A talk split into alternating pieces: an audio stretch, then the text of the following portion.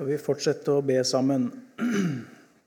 Ja, kjære Jesus, vi takker for det at du som sitter eh, på tronen i himmelen nå,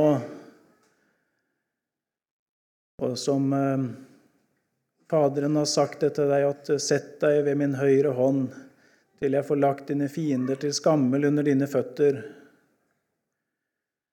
Men at det er du som er så opphøya, som også lå i krybba, som ble vår bror. Du som er så opphøya, som var den som bar vår synd, og som eh, gikk inn under Guds vrede for oss, og som eh, gikk forakta, spotta, håna. Og vi ber Jesus at vi kunne få noe av sinnelaget ditt, det som eh, ikke spurte etter hva vi fortjente, men som spurte etter hva vi trengte. Så legger vi denne stønna i dine hender og ber om du vil tale til oss. Amen. Vi skal prøve å se litt mer noen glimt fra Bolivia. Men vi starta jo opp eh, timen vår i går med dette ordet i apostelgjerningene 1347. For dette er Herrens bud til oss. Det er eh, i første omgang her eh, Paulus og Barnabas som, som sier det. Forkynner her 'Dette er Herrens bud til oss'. Og så kommer det som Faderen har sagt til Sønnen. 'Jeg har satt deg til et lys for hedningene, for at du skal være til frelse like til jordens ender.' Og Jeg skulle ønske at eh, du kunne smake litt på det ordet der. For at du, Jesus, min sønn, skal være til frelse. Til jordens ender. Også så masse forskjellige folk og så masse utslag av etter syndefallet. Men du, altså så stor er han til frelse. Du skal være til, til frelse like til jordens ender.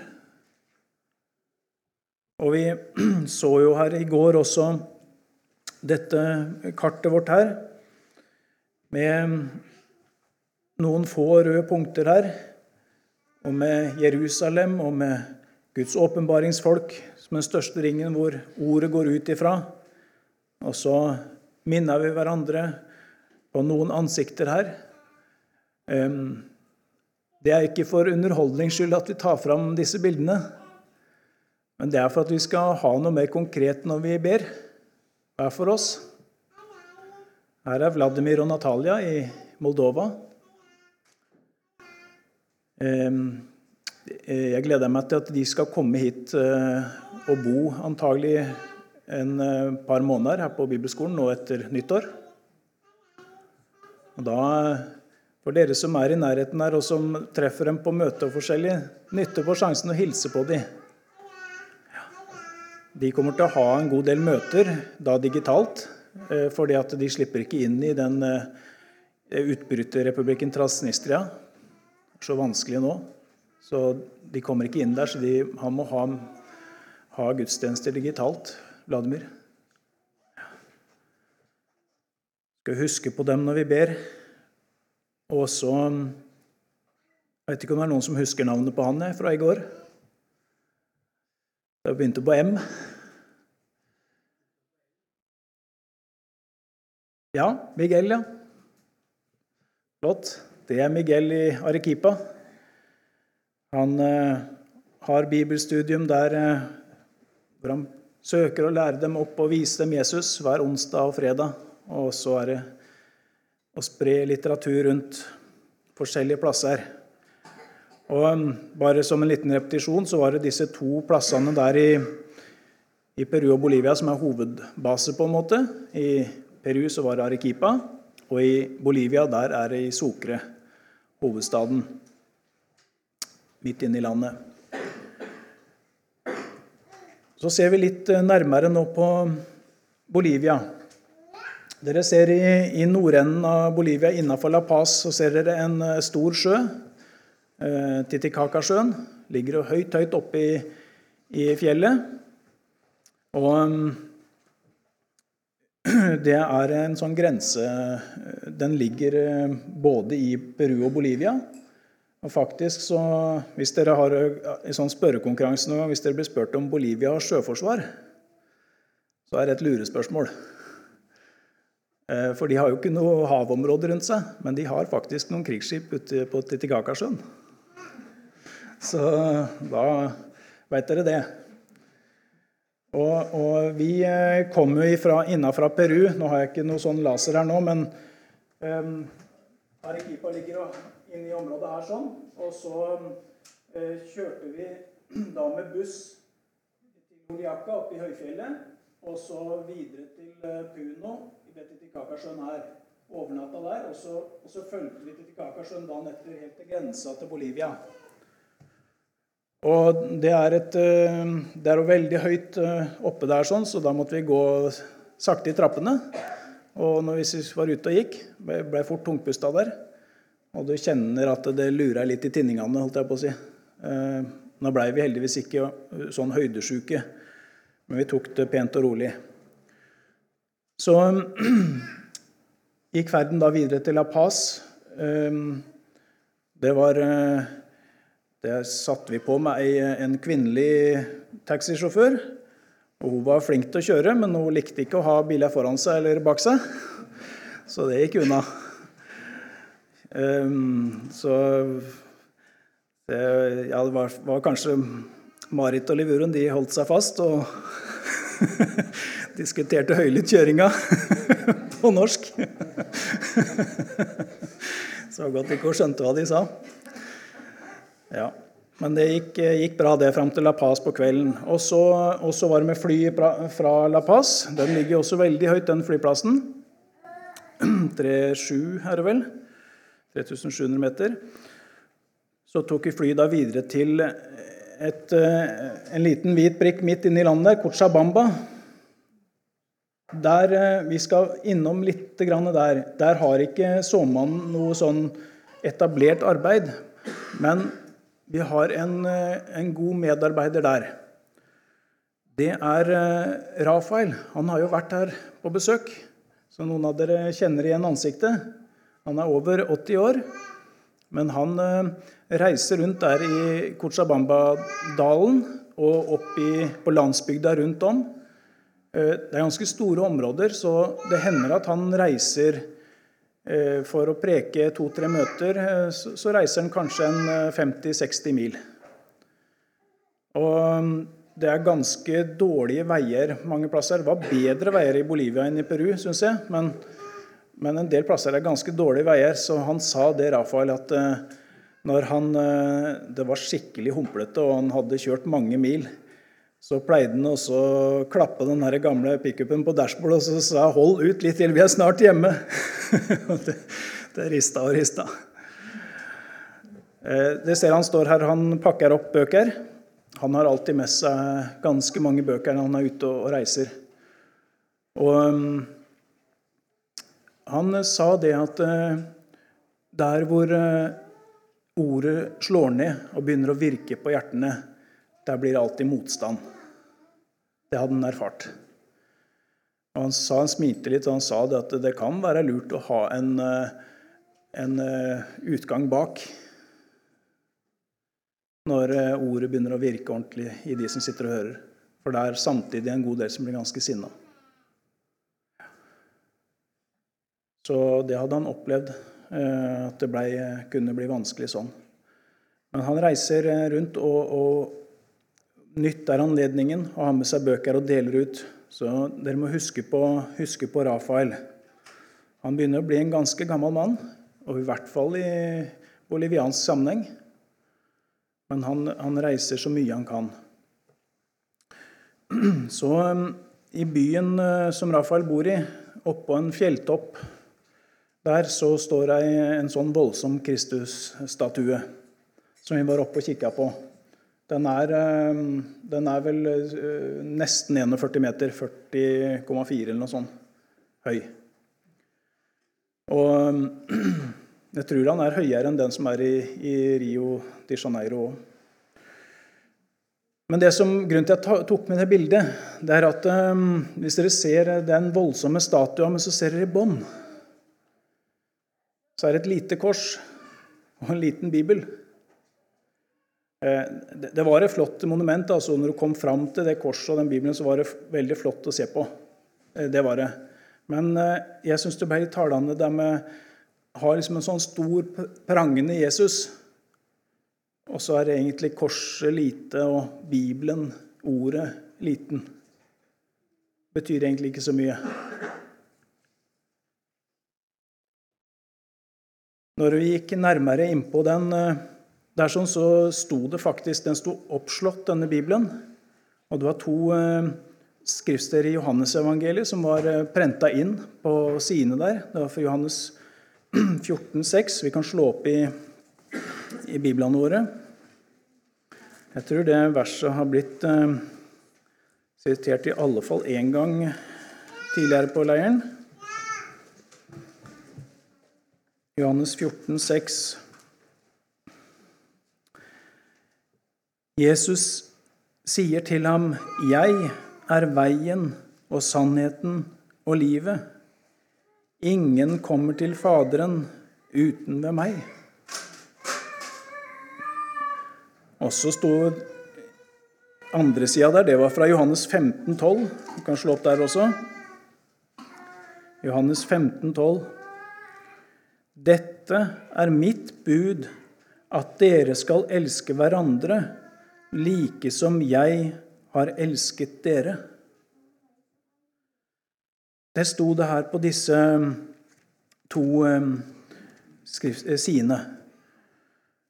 Det var litt rart å tenke på, for jeg fikk høre det at eh, en av de som har gitt mest penger til denne store statua her, kan se tilbake på den Det var, litt... det var eh, den store ølfabrikken i Cochabamba. Det var av de som hadde spytta inn mest penger i den der. Og ehm, jeg er veien, sannheten og livet. Og så hvis jeg stiller dere spørsmålet her at det eh, går an å kjøpe seg inn på den veien, så tror jeg at eh, jeg tror alle ville sagt nei. Det går selvsagt ikke an å kjøpe seg inn på denne veien, for nåden er jo gratis. Men eh, det har hendt mer enn én gang at de som kaller seg kristne, de betaler litt ekstra i kollektkørja for at eh, de har dårlig samvittighet. Og eh, jeg tror ikke det er så sjeldent heller f.eks. at eh, kanskje er det barn eller ungdom som er ulydig mot foreldrene sine hjemme og på en måte lever i en slags ulydighet. Og så prøver en å så kompenserer en det med å være prøve å være snill og god på andre, andre områder. Eh, uten å på en måte erkjenne og bekjenne denne synda. Så prøver en liksom å være grei å ta oppvaska og, og sånn. Det er akkurat samme tankegangen, tror jeg, som ligger i bånn der. Tenker kanskje også kan være foreldre òg som som har forskjellige ting. Og um, de burde ordna opp i. Så, men så er det kanskje sånn at nei, så gjør jeg heller noe godt mot naboen.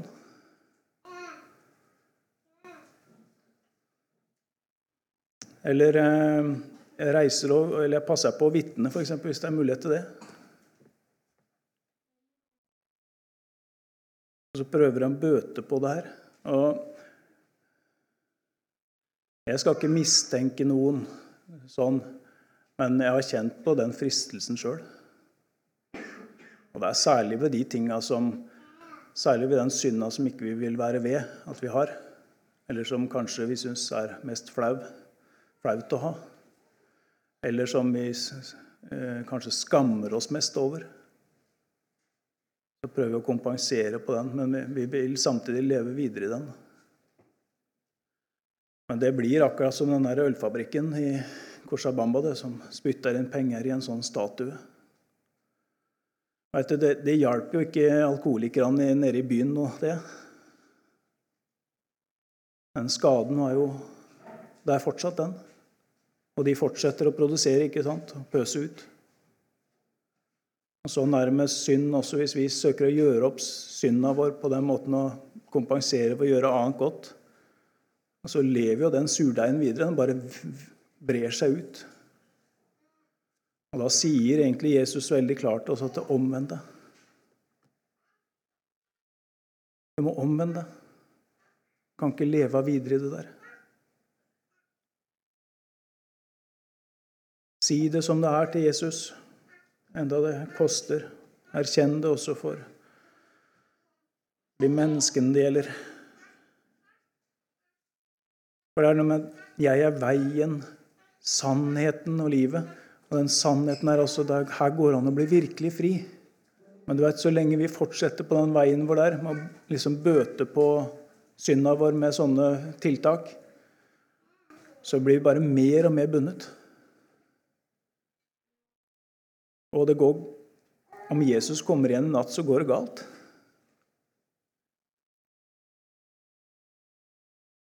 Men eh, for å erkjenne det sånn som det er, og kalle synda på det rette navnet, da står det at sannheten skal frigjøre dere. Du skal få lov å komme til Han som har betalt alt. Du skal få komme til Han som har båret det på sin egen kropp og på korset. Bli virkelig fri. Og det andre verset der òg Nå ser jeg klokka vår går og fort. Men det andre verset der også, som det sto der at eh, Johannes 15, 12 eh,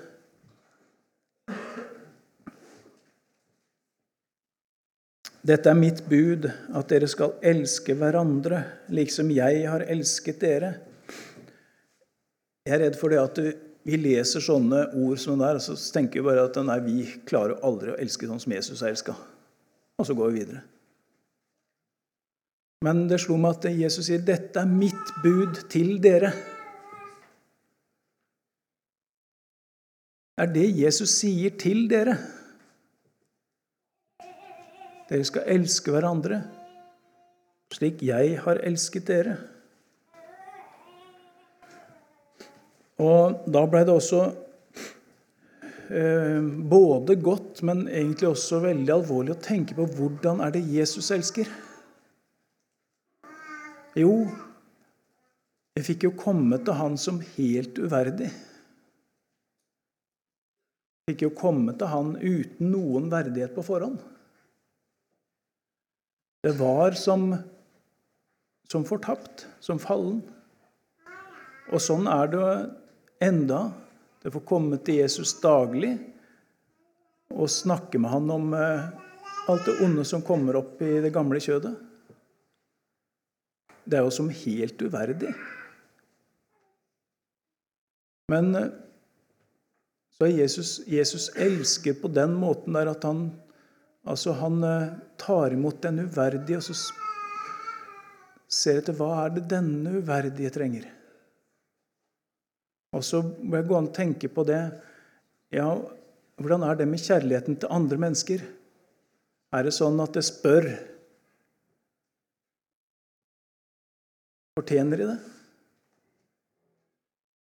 Er det sånn jeg spør etter om Syns de har vært greie? Da er, da er vi på helt ville veier. Da, jo, da, da lever vi jo ikke i sånn som Jesus elska oss like som jeg har elska dere. For der står det jo sånn Hvordan er det denne Guds kjærlighet viser seg? Jo, vis, Gud viser sin kjærlighet til oss ved at Kristus døde for oss mens vi ennå var syndere.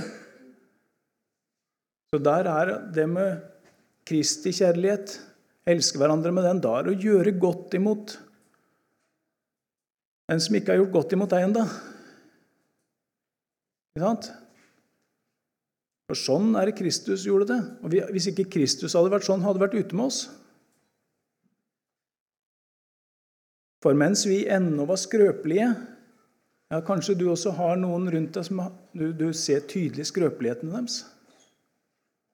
Kanskje du irriterer deg og tenker at du, du har rett til å være på en måte sur på dem og baksnakke dem litt. og Du har rett til å ha et litt skeivt øye til dem. Nei, så var ikke Kristus. For mens vi ennå var skrøpelige, døde Kristus til fastsatt tid for ugudelige. Så han elska altså den ugudelige, den fiendtlige, og viste kjærlighet imot dem. Når Jesus sier da at dere skal elske hverandre, liksom jeg har elsket dere, da går ikke an å unnskylde seg med ja, men de andre er jo sånn og sånn. Går ikke an å unnskylde seg med det.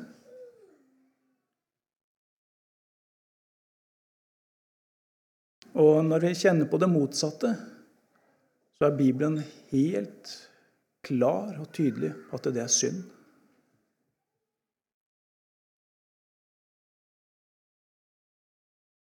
Her tror jeg det at det er mye synd som går under radaren. holdt jeg på å si. Og vi unnskylder det vekk, og vi trøster hverandre også. Ja, men det mennesket er jo så håpløst. Det skulle vi ikke gjøre. Her eh, ser dere et større bilde utover Cochabamba-dalen. Det er tatt oppafra den høyden hvor denne statua står. Og der, eh, Det er altså områdene som Rafael reiser rundt i. Det er det. Så enda et bilde her når han står sammen med Ingar. Så husker dere på Rafael når dere, når dere ber. Han, stadig, han er også avhengig av å få noe hver dag når han skal ut og, og dele ut. Så um, reiste vi videre fra Cochabamba altså videre til Sokre, til hovedstaden. Eh, og der møter vi et nytt eh, ansikt. Det er Gonzalo. Gonzalo han er den som, eh, som leder litteraturarbeid i Bolivia. Gonzalo han er egentlig veterinær av utdannelse har drivet, hadde en veterinærpraksis i, i byen der. Og, og, tjente bra på det. For det er veldig, masse katter og, og bikkjer og forskjellig rundt, i, rundt der. Vi så til og med lama i noen av gatene av og til. Det var ikke mange av de i byen. Det var det ikke. Men, men uh, Gonzalo han kjente på et kall så han, eh, etter at han jobba en del år som veterinær, så begynte han på Det teologiske seminaret. Og, eh, og fullførte åra der. Og har, eh, var ansatt på en bibelskole i Sokre ei stund. Og så har han nå i seinere tid da, vært i, i Såmannen. Og han forkynner jo en del i, i menighetssammenheng der. Men han jobber også mye med litteratur. Oversettelser, bearbeidelser osv. Gjøre det klart til trykking og sånn. Og Han sa det at det er, ikke, det er ikke bestandig det er så veldig åndelig arbeid. sånn. For at uh, her ute i, i, i, Bolivia så må vi, når vi skal trykke noe, så må vi, vi må fotfølge de som holder på med det, på trykkeri og sånn. Hele tida. Passe på. For det at ellers så blir det plutselig noe feil. Og så det som blir trykt, som kommer tilbake, er ikke sånn som det var når han sendte det. Så du må liksom holde på å følge med sånn hele veien. Og det tok mye krefter. Han syntes det var slitsomt, akkurat det der. Men det var en viktig del av det. Men ellers så underviser han også i, i flokken der. Gonzalo. Han er gift med ei dame som heter Carmen. Det var litt dårlig bilde der her sånn. De var blidere enn det ser ut til her. det var de. Og men det, det, var en opplevelse å møte de og snakke med de, for jeg fikk et veldig bestemt inntrykk av at eh, her, det her er enkle kristne eh, som kjenner på masse begrensninger. Men hun eh, Carmen hun sa det at for tre år siden så leste jeg i husandagboka til Rosenius, og så fikk jeg se noe helt nytt. Der fikk jeg se inn i en frihet som jeg ikke har sett inn i før. Og så flytta de. Og når de kom til det nye huset og skulle inn der, så, så var det sånn at eh, de skulle hilse på naboene. Det var en nabo som kom innom. Men akkurat eh, hun hilste som hun fikk snakka med, og så fikk hun sagt til naboen at, eh, at vi er kristne. Evangelisk kristne, vi. Her. Men så begynte de har to barn, og så begynte en av ungene å skrike opp i andre etasje. Det skjedde noe der. Så måtte liksom litt hastig si ha det til naboen og gå opp i andre etasje og ordne. Når hun kom ned igjen, så var han vekk. Så hun fikk ikke sagt noe mer til han. Og så Tre uker etterpå så døde han naboen. Og det hadde, det hadde satt veldig spor i henne, Carmen. For hun sa det at 'jeg fikk jo ikke sagt noe til han som han faktisk kunne bli frelst ved'. Jeg fikk bare sagt at jeg var kristen. Og derfor sa hun det, så tør jeg ikke å la være eh, nå. Jeg treffer eh, forskjellige mennesker. Jeg tør ikke la være. Og um, hun um, hadde kontakt med flere som hadde studert sammen på universitetet, bl.a. Og sa det at de veit jeg leser mye. De er sånn. Så, så, så jeg har uh, gitt dem forskjellige bøker. Arosenius bl.a. Og, og Luther og, og forskjellig. Og de har lest det, og sånn, det har gått noen måneder, og så har de tatt kontakt igjen.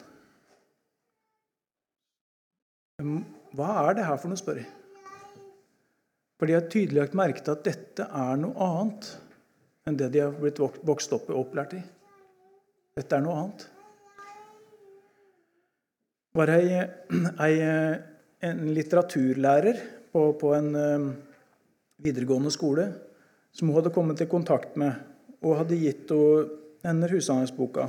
Hun hadde begynt å lese den og hadde hatt kontakt med den i en god del.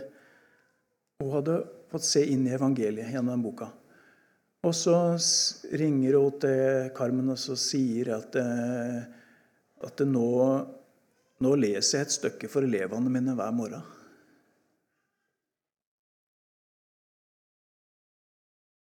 Og det, det er litt sånn utenkelig eh, ut ifra våre forhold. Men det, men det koster dem òg, altså. For eh, de blir smilt, eh, smilt av og ledd av som litt enkle. Det koster for dem òg. Men det er noe med at dette ordet det trenger inn i hjertene på forskjellige måter. Carmen hun er til stor hjelp eh, i, i sommeren også. Gonzalo han ble ganske alvorlig syk i, i, fjor, eller for et par år siden, og var syk en stund. Det så familien hadde faktisk tatt farvel med ham. De trodde at han ikke sto over. Eh, men han kom eh, sakte, men sikkert til hektene igjen etterpå. Og, og, men han kunne jo ikke jobbe så mye da, så, så Carmen hadde hjelpa til mye. Og sånn som det er nå, så, så er vel eh, det er en full stilling, og, og, de deler på en måte på det her til sammen. Så Carmen tar en god del eh, kontorarbeid og, og, forskjellig. Um, og så er hun veldig ivrig egentlig i ungdoms, barne- og ungdomsarbeid. Sa det, Carmen, at, eh, at de kommer med utrolig tunge byrder. Noen av de unge som, som jeg snakker med. De kommer med noen utrolig tunge byrder. Og det er ikke så lett å snakke med dem bestandig, for det er en temmelig sånn håpløs situasjon mange ganger de har kommet inn i. Og det er synd, alvorlig synd og forskjellig. Men det hender noen ganger så at vi ser et smil når vi forkynner evangeliet for dem. Det hender noen ganger at du ser at det plutselig stiger opp et, et smil i ansiktet. Du får se noe. Og um, her sånn er forsamlingslokalet. Det er et lite forsamlingslokale. Kanskje plass til 30 stykker. 40 eh, hvis du stabler godt. Og så ser dere det er en døråpning bak uh, talerstolen der. Der er inn til et lite kjøkken. Og bakafor der igjen så er det et kontor og boklager. Så det er uh, på en måte den basen der hvor de virker. Og um, Hvis du ser på neste bilde her, så ser du også noe av forsamlingen. og Bak i hjørnet uh, fikk jeg ikke forstørra det så mye mer, men bak i hjørnet til høyre der så ser dere en del unge der. Det er flere sånne som uh, kommet inn der gjennom det arbeidet som Carmen uh, driver. Det er det. Byen rundt forsamlingslokalet her, det er Sokre. da. Det er en eh, ganske fin eh, by. Velorganisert by. Det er eh, mye gammel, gamle bygninger der. Fra spanjolene var koloniherrer. Og mye sånne klokketårn rundt omkring. Veldig flott. Og inni kjerken er det jo enda flottere voldsomme rikdommer, sånn som det er utstyrt disse, disse kirkene. Men eh, Gonzalo ville vise oss noe når vi gikk i byen der sånn. Han tok oss med til et strøk, et gateparti. Nå var det sånn at det var rett før allehelgenssøndag, uh, sånn, og det ble feira veldig i, i Bolivia. Så det var stengt veldig mye. Han hadde ikke beregna det. Men du ser alle disse blå veggene her. Det er egentlig på rad og rekke så er det spåkoner. Eh, sånne som kaller seg trollmenn og, og, hekser. Som på rad og rekke nedover tilbyr sine ting. Eh, plakater som står ute i gata og selger forskjellige magiske saker. Og, og tilbyr helbredelse på forskjellig vis. Og så viser han oss et ganske sånn typisk eh, en sånn butikk som han peker inn her i. Vi skal se litt nærmere på det han peker på, Gonzalo her. Ser dere at det er en naglemerka han på toppen der? Og under den handa, litt nedi den monteren der, sånn, så er det jo en eh, sånn krusifiks av Jesus, og der er jomfru Maria. Helt på motsatt side så henger det sånne tørka lamafostre. Det er avgudsoffer. Det bruker til å blidgjøre avgudene med. Og det var gjort ferdig, det fikk jeg ikke med på bildet, men langs gata der så sto det masse sånne fat med forskjellig mat og, og, og ting og tang som var laga ferdig som et sånt offer som skulle brennes. Og tenk, for en sammenblanding. av Jesu naglemerka han også. Dette med jomfru Maria-dyrkelsen. Og så har du lama-ofring. Og så er det masse forskjellige lykkeamuletter og, og, ting og medisiner og sånn innover. For en sammenblanding. Og jeg fikk et inntrykk av det at eh, for en del så gjaldt det liksom å sikre seg på alle områder. Liksom stå på god fot med Du kunne ikke være sikker på hva det egentlig var som gjaldt hva som hadde mest makt i tilværelsen. Men det gjaldt liksom å sikre seg, være på god fot med, alt, på en måte. Det var, eh, det var mye kjekkere å, å, gå ned på fruktmarkedene, det må vi si. For det var et eh, sånn Jeg syns det var et uhyggelig gufs egentlig over de der gatene. Og det er ikke noe tvil om at her er det besettelser og Djevelen har tatt bolig altså, i noen. Og Midt i, i byen her det er veldig sånn mangfold av masse forskjellig. Både flotte bygninger og, og fine butikker, og sånn, men også disse mørkere strøka. Da. Så der, I den eh, byen der, der bor altså denne familien til Gonzalo og Carmen. Ascaron setter de til etternavn. Og vi fikk eh, være med også og, og spise med dem og snakke med dem. Og da eh, satte jeg veldig stor pris på det at de ville ikke framstille det som noe glansbilde, på en måte det arbeidet de fikk være med i. De fortalte også om skuffelser og eh, mennesker som hadde falt ifra, osv. De levde midt i den striden.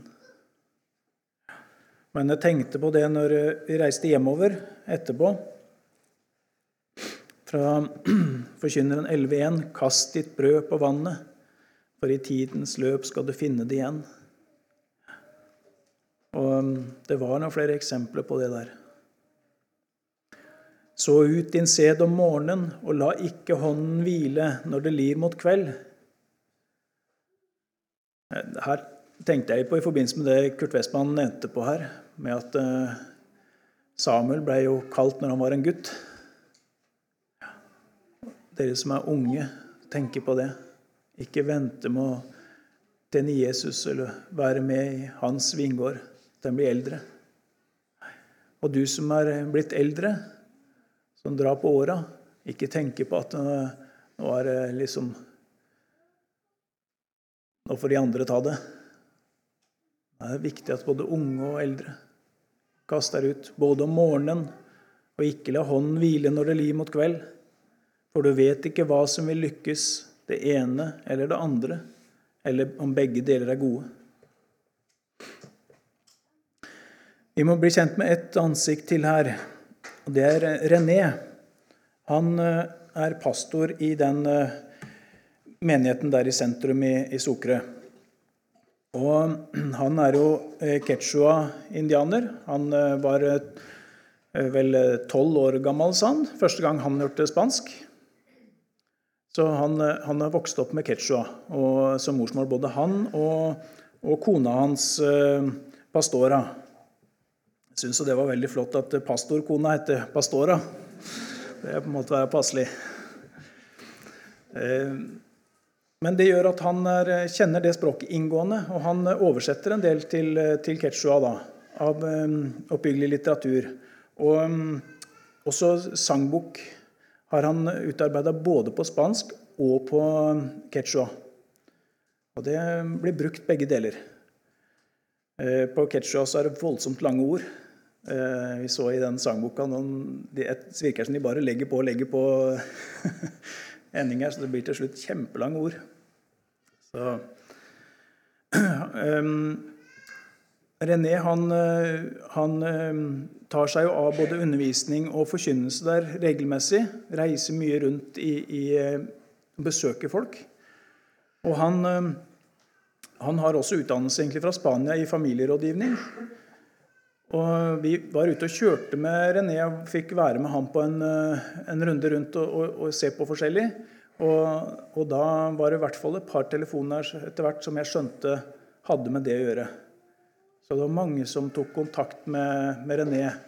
Og Ingar spurte han, og han sa det at han hadde kunne vel ofte ha en tre sånne samtaler med familier i uka. Eh, for det var vanskelig. Ikke så lett. Men så er han samtidig frimodig og, og, og forkynner for dem. Eh, den helga vi var her, så var allhelgenssøndag. Da er det sånn at de eh, som har mista noen i løpet av siste året, de eh, skal da ha åpent hus og servere mat til alle som kommer. Og det gjelder å få inn så mange som mulig inn gjennom døra og inn, for de som kommer inn der, da, de skal da be en bønn for den som har gått bort i løpet av året. Og for hver som ber en sånn bønn, så blir tida i skjærsilden kortere, sier de. Ja, da kan dere tenke dere Hvis du i løpet av siste året har mista noen av kjær familiemedlem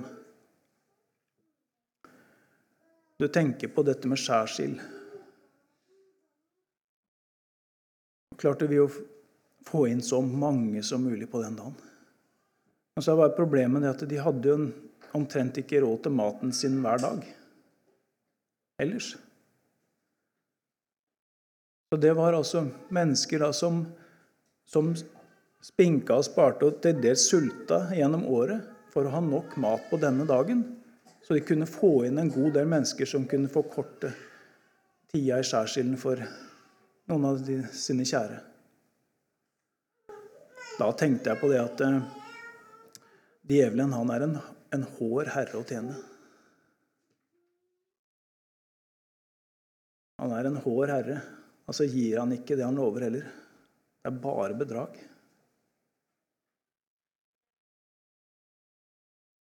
René han reiste til en sånn tilstelning der. Der var ei enke. Men hun var blitt kristen, så hun lurte litt på åssen hun skulle gjøre det den dagen her. For hele storfamilien hennes eh, forlangte at hun skulle ha dette selskapet. Så reiste René dit da. Og det ble ikke noe tradisjonell eh, feiring, det. Men han greip ord i denne forsamlingen og holdt andakt for dem.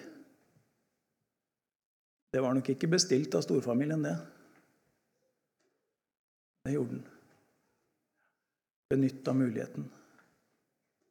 Men det er ikke så rart det er noen som blir sinna. Vekker motstand. Han kjører en liten Suzuki René, og vi var jo fire stykker som kom der med svære kofferter. Så den blei full både inni og utapå den her Suzukien. Eh, det gjorde den. Og mm, han viste oss litt rundt i områdene der. Eh, jeg kan ikke ta så mye av det nå, men, men eh, det var noen utrolige fjellandskaper. Det må jeg si. Her er vi oppe på ei høyslette på rundt 4000 meter, og så har du disse fjellene som strekker seg betydelig høyere i tillegg. Og så veldig mye rare sånne fjellformasjoner. Um, utrolig åssen uh, Jeg synes, ser Gud som kunstner.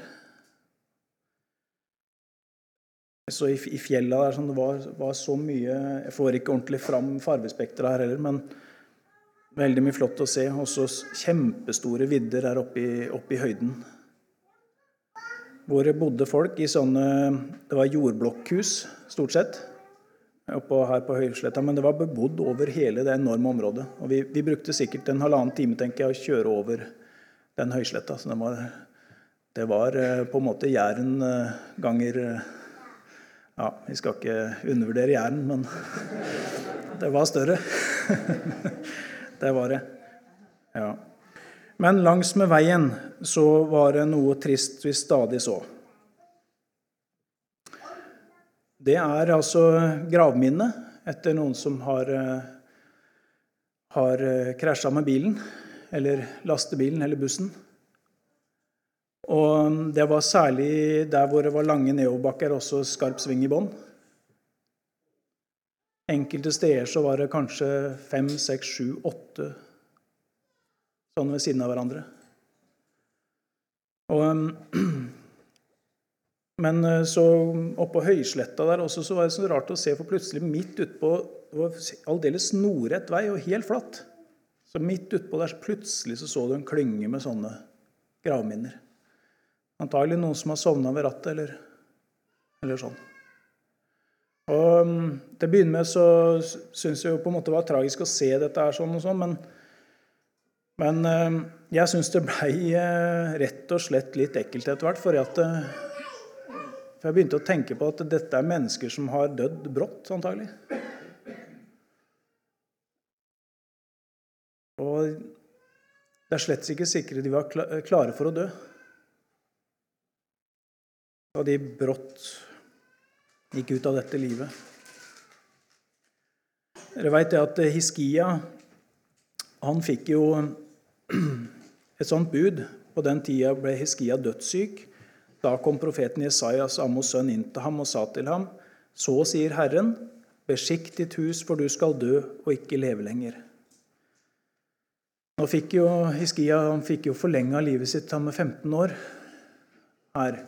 Men det er ikke alle som får sånn forvarsel. Jeg tenker Jesus sier oss denne fortellinga med den rike bonden og Der er det sånn at om natta der, der, kommer altså Gud til ham, og så sier han direkte at Men Gud sa til ham, du dåre, i denne natt kreves din sjel av deg. Hvem skal så ha det du har samlet? Det her var ikke noen betenkningstid. Det var nå sjelen ble krevd av han.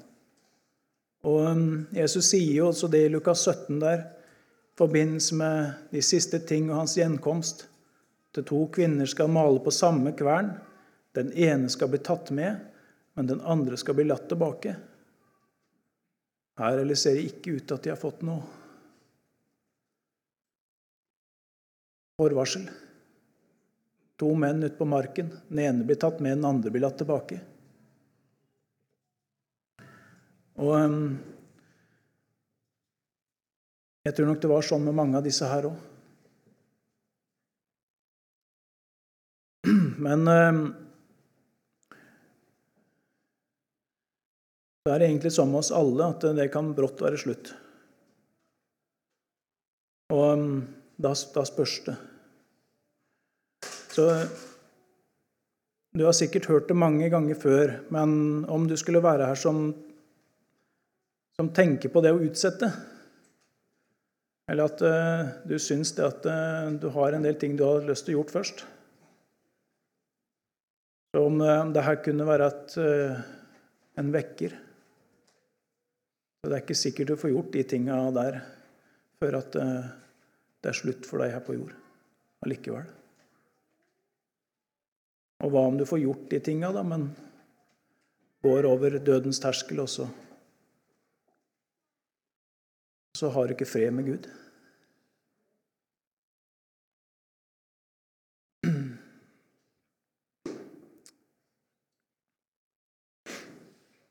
Og så vil jeg få minne det før vi ser de siste bildene, at Jesaja, der leser vi det i Jesaja 8, til ordet og til vitnesbyrde. Dersom de ikke taler i samsvar med dette ordet, så er det ingen morgenrøde for dem. Dersom ikke de taler i samsvar med dette ordet, så er det ingen morgenrøde. Det får vi tenke på. Det er ikke noe hjelp i å drive misjon da, eller, eller av møter eller forkynnelse, hvis ikke vi taler i samsvar med Guds ord. Da er ingen morgenrøde. Og det står der videre at de blir på en måte bare hardere og hardere. Da skal de dra gjennom landet hardt plaget og sultne. Men de, de skjønner ikke at det er Gud som legger ting på dem for å stoppe dem. Og når de sulter, blir de harme og forbanner sin konge og sin Gud. De skal vende sine øyne mot det høye, og de skal se ned mot jorden, men se, det er trengsel og mørke, angstfullt mørke, de er støtt ut i natten. Jeg vet at eh, et uhyggelig sted det blir noen ganger kalt for et gudsforlatt sted. Og jeg tror at vi kan lese om det i, i, i Bibelen, at det er enkelte plasser hvor det blir som et gudsforlatt sted, og Gud sier også at der skal det til og med raggete demoner oppholde seg, osv. Um, ehm, men vet du at eh, hvis, hvis vi på en måte skyver Bibelen vekk og bibelordet vekk, så skyver vi oss egentlig oss sjøl ut i en gudsforlatthet. For det er her han møter oss. Og det er når han søker oss, det er når han banker på, det er da det er mulighet. Og når han oppsøker oss med ordet, da er mulighet men ikke ellers. Da er det et angstfullt mørke igjen, bare. Og det blei vondt når vi kjørte forbi alle disse, alle disse gravminnene langs veiene. Ja. Kan det hende at hvis vi hadde hatt sånne gravminner langs veiene i Norge også, så ville det blitt en del her og der til sammen? Ville nok det. Ja.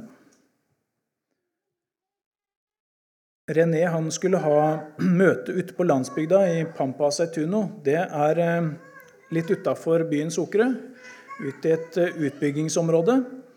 Og Der har, eh, har Lekmannsmisjonen nå støtta oppbygging av et, et, forsamlingshus der ute på, på landsbygda.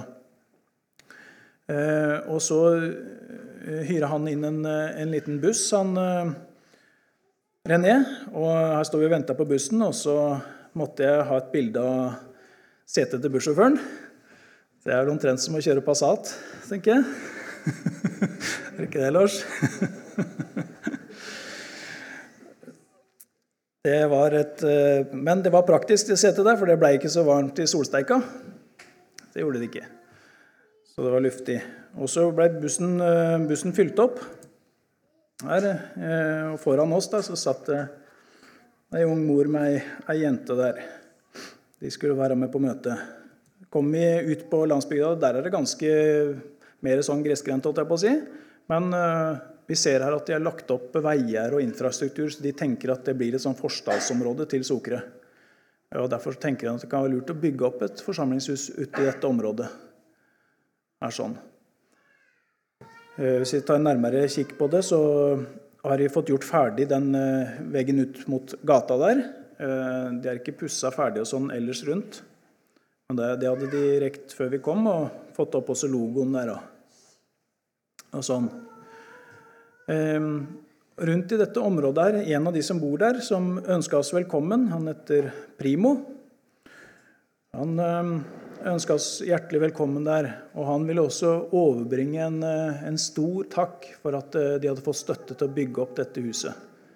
Jeg skrev vel det kanskje i et av reisebrevene at, at de tenkte tilbake på For noen måneder siden så hadde de vært samla i gårdsplassen til Primo til møte. Og da var det så kaldt at, eh, på fingrene at det var vanskelig å bla i Bibelen. Og så, videre.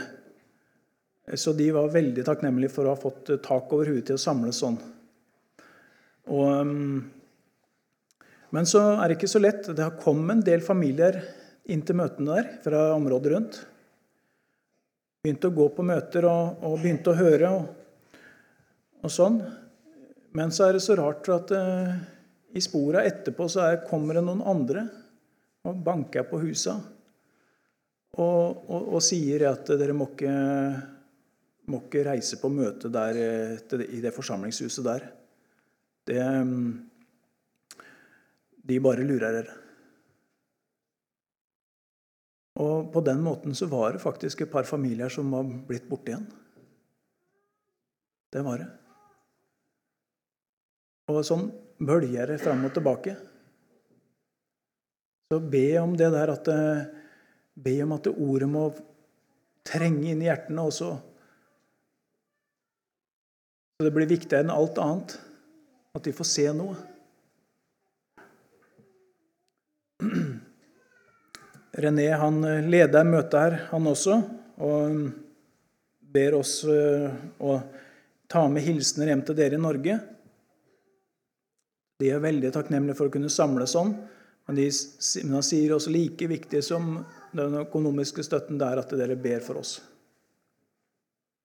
Tenker på oss. Her var et eh, sangkor av de som bor Det er quechua-indianere eh, alle sammen. De synger fra quechua-sangboka her. En, eh, en sang. Og forsamlingen ser dere her utover, og de sitter på plaststoler. Det er eh, det som er billigst. og sånn. Men eh, de tar ganske stor plass, de her plaststolene. Så hvis de skal ha plass til en del her inne, så burde de hatt noen andre stoler etter hvert. Men det får vi se med tida. Her sitter de flere generasjoner. Um, ser helt ut på hjørnet Han mannen som sitter helt ut på hjørnet i bildet der, helt til høyre, han er ikke, han er ikke noe kristen. Men mora hans de hadde akkurat flytta til Sokrun og et område der. Også mora hans hun var kristen. Og de har respekt for de gamle, så han uh, kjører mora si til møte. Og så sitter han uh, Var med på i hvert fall to Det var to møter vi var med på der ute. i den området. Han var med på begge to. Sitter der og følger med. og jeg syns det var eh, litt rart å tenke på. Ja, kanskje kunne nå inn. Sånn er det med flere. Og bare For å informere deg om andre etasje på dette bygget her, det er laga litt med tanke på både det med kontor og boklager og litt sånn undervisningsrom og sånn. Og det er også en, eh, eh, en leilighet Eh, så René, som dere ser her i, dress, han og pastora de kommer til å bo en del her ute på landsbygda i den leiligheten for å komme nærmere på folket der ute. Og, og kunne snakke med dem og, og, ta del enda mer i dagliglivet. For det betydde mye. Det er også noe konkret å, å be om der. De kunne få innpass iblant dem som, som bor rundt i området. Når vi skulle reise, så, så står eh, eh, denne mannen og tar farvel der. Han, eh, han eh, var en allsidig mann. Det var han som hadde mala logoen på veggen utafor der. Og han som ordna med kokegropa bak i bakgården, hvor de stekte store mengder kylling og grønnsaker. Um, og var veldig takknemlig.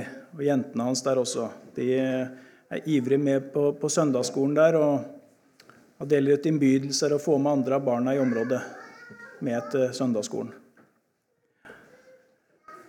Siste bildet jeg skal ta med, og siste ansiktene, det er eh, to stykker som eh, Juan Pablo, etter han som sitter eh, bakerst der. Og så er det kona hans, Karina. Og han Juan Pablo der, han Eh, skal nå på, være på prøvetid i, i sommeren. Jeg husker ikke akkurat prosentstillingen, om det var 40 eller 50% eller 40 Ja, der omkring. Han eh, det, vært, det, er en hardt prøva mann, egentlig. Han har hatt mye sykdom og hatt det ganske vanskelig. Men han, han, har nå I seinere tid så har han vel en gang i måneden omtrent preka i, i forsamlingen der. Og han har hatt noe å gi. Um, så kanskje det var uh, Guds uh, ørkenskole for han, det han har vært igjennom.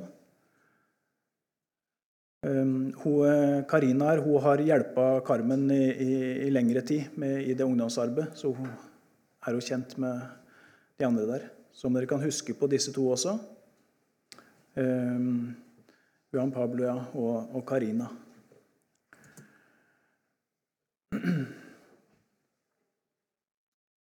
Vend dere til meg og bli frelst, alle jordens ender. For jeg er Gud og ingen annen. Skal vi stoppe med det? Kjære Jesus, vi vil takke deg for at Evangeliet er så stort og så fullkomment. Så strekker det til for hver den som tar imot. Og så ber vi Jesus at du, kunne, du kan få være herre i livet våre, og at vi kunne få lov å leve godt med deg og få være lys, være på våre plasser. Vil du også hjelpe oss å huske på vennene våre, både i Peru og i Bolivia? og den strid de står i. At de må være ved godt mot eh, i løftene dine, selv om det mm, noen ganger ser ut som det går tilbake. Vil du styrke dem og ta deg av dem, Jesus. Og så hjelpe oss å huske på dem, at ikke vi sløvner hen bare i vårt eget. Du velsigne både liten og stor til det. Amen.